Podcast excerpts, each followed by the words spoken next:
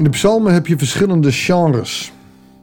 Je hebt schuldbelijdenissen, je hebt verootmoediging. Maar eigenlijk het genre wat we vandaag tegenkomen is een, een hele bijzondere. Als in Psalm 25 nog een, een roep is om de onschuld in de psalmdichter te zien, in David te zien, komen we nu in vers, uh, Psalm 26 in een onschuldpsalm. Waarin de psalmist heel erg nadruk legt op zijn onschuld. Dat hoef je tegenover God niet te doen. Maar de psalmen waren niet alleen maar liederen tegenover God, maar ook bij de mensen. Jullie vinden mij schuldig, maar ik ben onschuldig. David pleit zich onschuldig. En zo ontstaat er een onschuldpsalm. Nou, ik had er nog nooit van gehoord. We gaan hem lezen. Goeiedag, hartelijk welkom bij een nieuwe uitzending van het Bijbels Dagboek. We lezen Psalm 26. Nehemia hebben we afgesloten. En voor de overgang naar uh, een ander Bijbelboek, dat zoals ik zei, Jacobus. En dan waarschuw ik je, lees hoofdstuk 1 alsjeblieft al in het weekend. We beginnen maandag bij hoofdstuk 2. maar gaan we nu eerst Psalm 26 lezen. En daar staat: Doe mij recht, Heer. Het is een psalm van David. Want zonder dwalen ben ik mijn weg gegaan. Op u, Heer, heb ik vertrouwd. Ik wankel niet. Ik ben onschuldig. Ik heb het goed gedaan. Je ziet dat David eigenlijk mensen om zich heen wil, wil aantonen: ik heb het goed gedaan. Ik zeg het je toch? En ik, ik geef dat kracht bij door het aan de Heer te zeggen. Ik durf aan de Heer te zeggen dat ik zonder dwalen de weg ben gegaan. Ik ben niet gedwaald, ik heb niet getwijfeld, ik ben de weg van de Heer gegaan. Op u, Heer, heb ik vertrouwd. Ik wankelde niet. Nou, we weten van David dat hij natuurlijk genoeg momenten had dat hij wankelde. Maar hij wil hier een soort van overtuiging erin leggen. Ik wankelde niet. En dan komt hij, en dan moet het heel erg denken aan het eind van uh, Psalm 139. Doorgrond mij, Heer, en ken mij. Peil mijn hart en mijn nieren. Doorgrond, o Heer, en ken mijn hart, toets mij en ken mijn gedachten. Daar zijn het gedachten, hier de nieren. Uh, het hart staat voor de beleving, maar de nieren staan in de Bijbel voor emotie. Oftewel, ken mij door en door, ook in mijn emotie. Als ik bang ben, als ik verdrietig ben, als ik blij ben, als ik ken mij, toets mij, zie mij. Psalm 139 was het vanuit de woede die hij had tegenover de ongelovigen. Hier zegt hij, maar God, u weet toch dat ik u heb vertrouwd en dat ik uw weg ben gegaan. Toets me maar, check het maar. Want uw liefde staat mij voor ogen. En ik bewandel de weg van uw waarheid. Wat zou het mooi zijn als meer van ons zo overtuigend konden spreken van hun geloof. Ik geloof en ik vertrouw op de Heer. Er zit ook heel veel vertwijfeling in de wereld. Is het erg? Nee, dat is niet erg, maar het gebeurt en dat is, dat is oké. Als je maar wel weer terugkomt bij God. David die heeft ook zijn twijfels gehad. Dit is Psalm 26. Weet je nog? Psalm 22. Mijn God, mijn God, waarom heeft u mij verlaten? En hier, want zonder dwalen ben ik mijn weg gegaan. Psalm 22 wijst op, op grote vragen die hij heeft. Waar bent u, God? En dan roept het en dan schreeuwt het uit naar boven. Ik ben hier, mijn kind. En hier? De onschuldpsalm. Ik heb het goed gedaan. Met bedriegers zit ik niet aan God. Met huigelaars ga ik niet om. Ik haat de kring van slechte mensen. Met wettelozen wil ik niet aan tafel. Oftewel, het is ook weer een reactie op Psalm 1. zalig de man die niet wandelt in de raad der goddelozen. Die niet staat aan. Hij komt erop terug. Ik haat de kring van slechte mensen. Met wettelozen wil ik niet aan tafel. Denk eens aan waar we in Nehemia mee stopten. Waarin Nehemia het zuiver wil, het heilige wil. En dat lukt niet altijd. Daar heeft David het hier ook over. Ik zal mijn handen in onschuld wassen. Een rondgang maken om uw altaar, Heer. Om een loflied aan te heffen. En van uw wonderen te verhalen.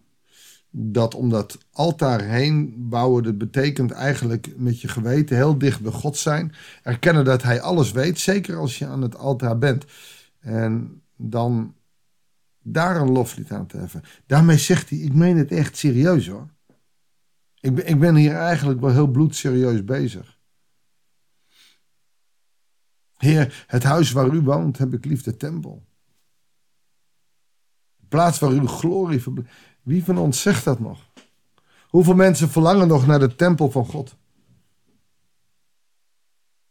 Tempel van de Heilige Geest. Maar ook wij hebben tempels, de kerken, de gemeenschap. En dan heb ik het niet over het gebouw, maar de gemeente is de tempel van de Heilige Geest, is een tempel van God. Hoeveel verlangen daar nog naar? Landelijk, weet je, ik, ik heb geen klagen, onze gemeente groeit, maar landelijk zit er een daling in. Een enorme daling. Hoeveel hunkeren er nog om samen met andere gelovigen één te zijn en, te zoeken naar wat God van je wil. Maar, maar in ons land, en dan praat ik maar even over Nederland en niet over de luisteraars in Amerika of in België of in andere landen waar ik niet over kan spreken. Hier in het rijke Westen zeggen we, ah, we kunnen het ook wel alleen af. Wij doen het zelf wel. We hebben de ander niet nodig. Nou, als de, de Bijbel iets ademt, is dat we elkaar nodig hebben. Dat je de gemeenschap van gelovigen nodig hebt. En als je daar niet in huist, dan, dan word je afgezonderd ervan. En elkaar nodig hebben betekent ook elkaar stimuleren om God te zoeken en uiteindelijk ook God te vinden.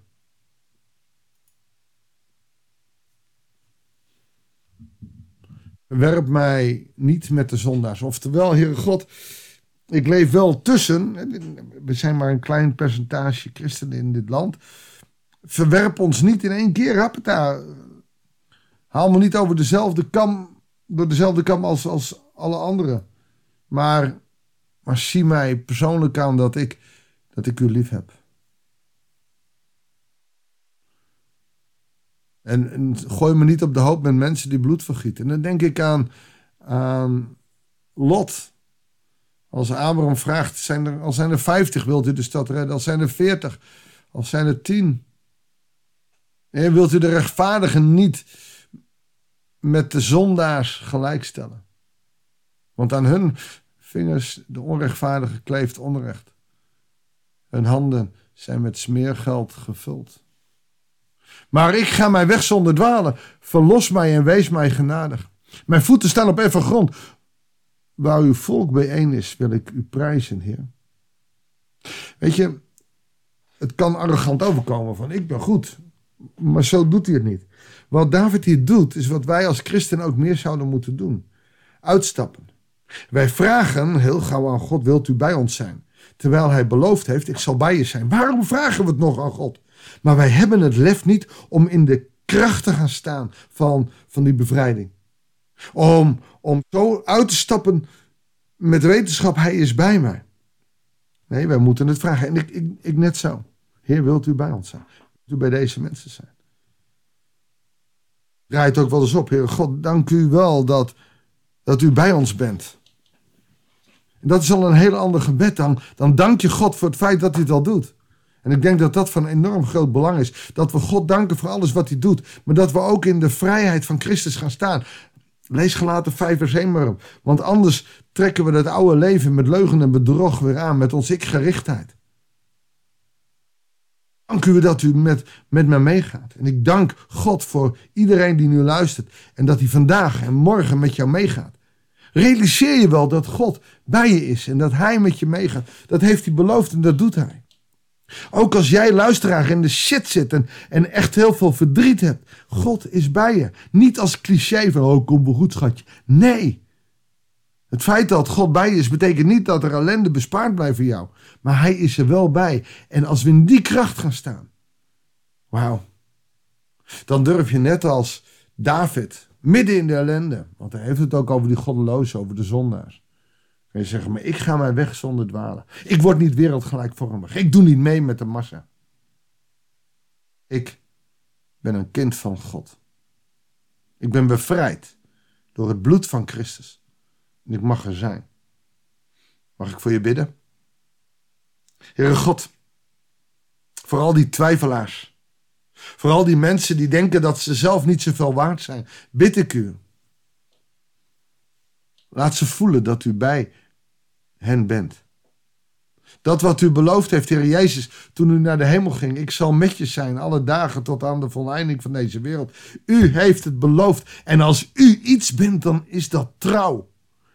En u doet wat u zegt. Als wij het niet voelen, dan komt dat, Heere God, omdat wij het niet voelen. Maar u doet het wel. Open de ogen van ons hart, zodat we zien dat u dicht bij ons bent. Dat we het voelen, dat we het ervaren. Heer, rammel ons door elkaar en laat het voelen. Dank u wel dat u deze dag, deze nacht en dit weekend met ons meegaat. U bent erbij. Ook in het diepst van onze ellende. Heer, dank u wel daarvoor. Wat bent u? Een geweldig God. Dan hoef ik mijn weg maar te gaan zonder dwalen. En u verlost ons en weest ons genadig. U bent een genadig en liefdevolle God.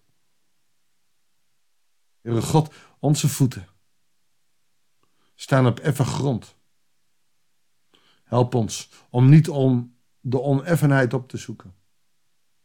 we willen u loven en prijzen, omdat u onze God bent. Onze koning, die heerst over hemel en aarde. Die zit op de troon en recht spreekt. Uw naam zij geloofd en geprezen, van nu aan tot in eeuwigheid, tot de dag dat u terugkomt. Maranatha, u komt, Heer, kom spoedig. Amen. Dankjewel voor het luisteren. Ik wens je God zegen en heel graag tot de volgende uitzending van het Bijbelsdagboek.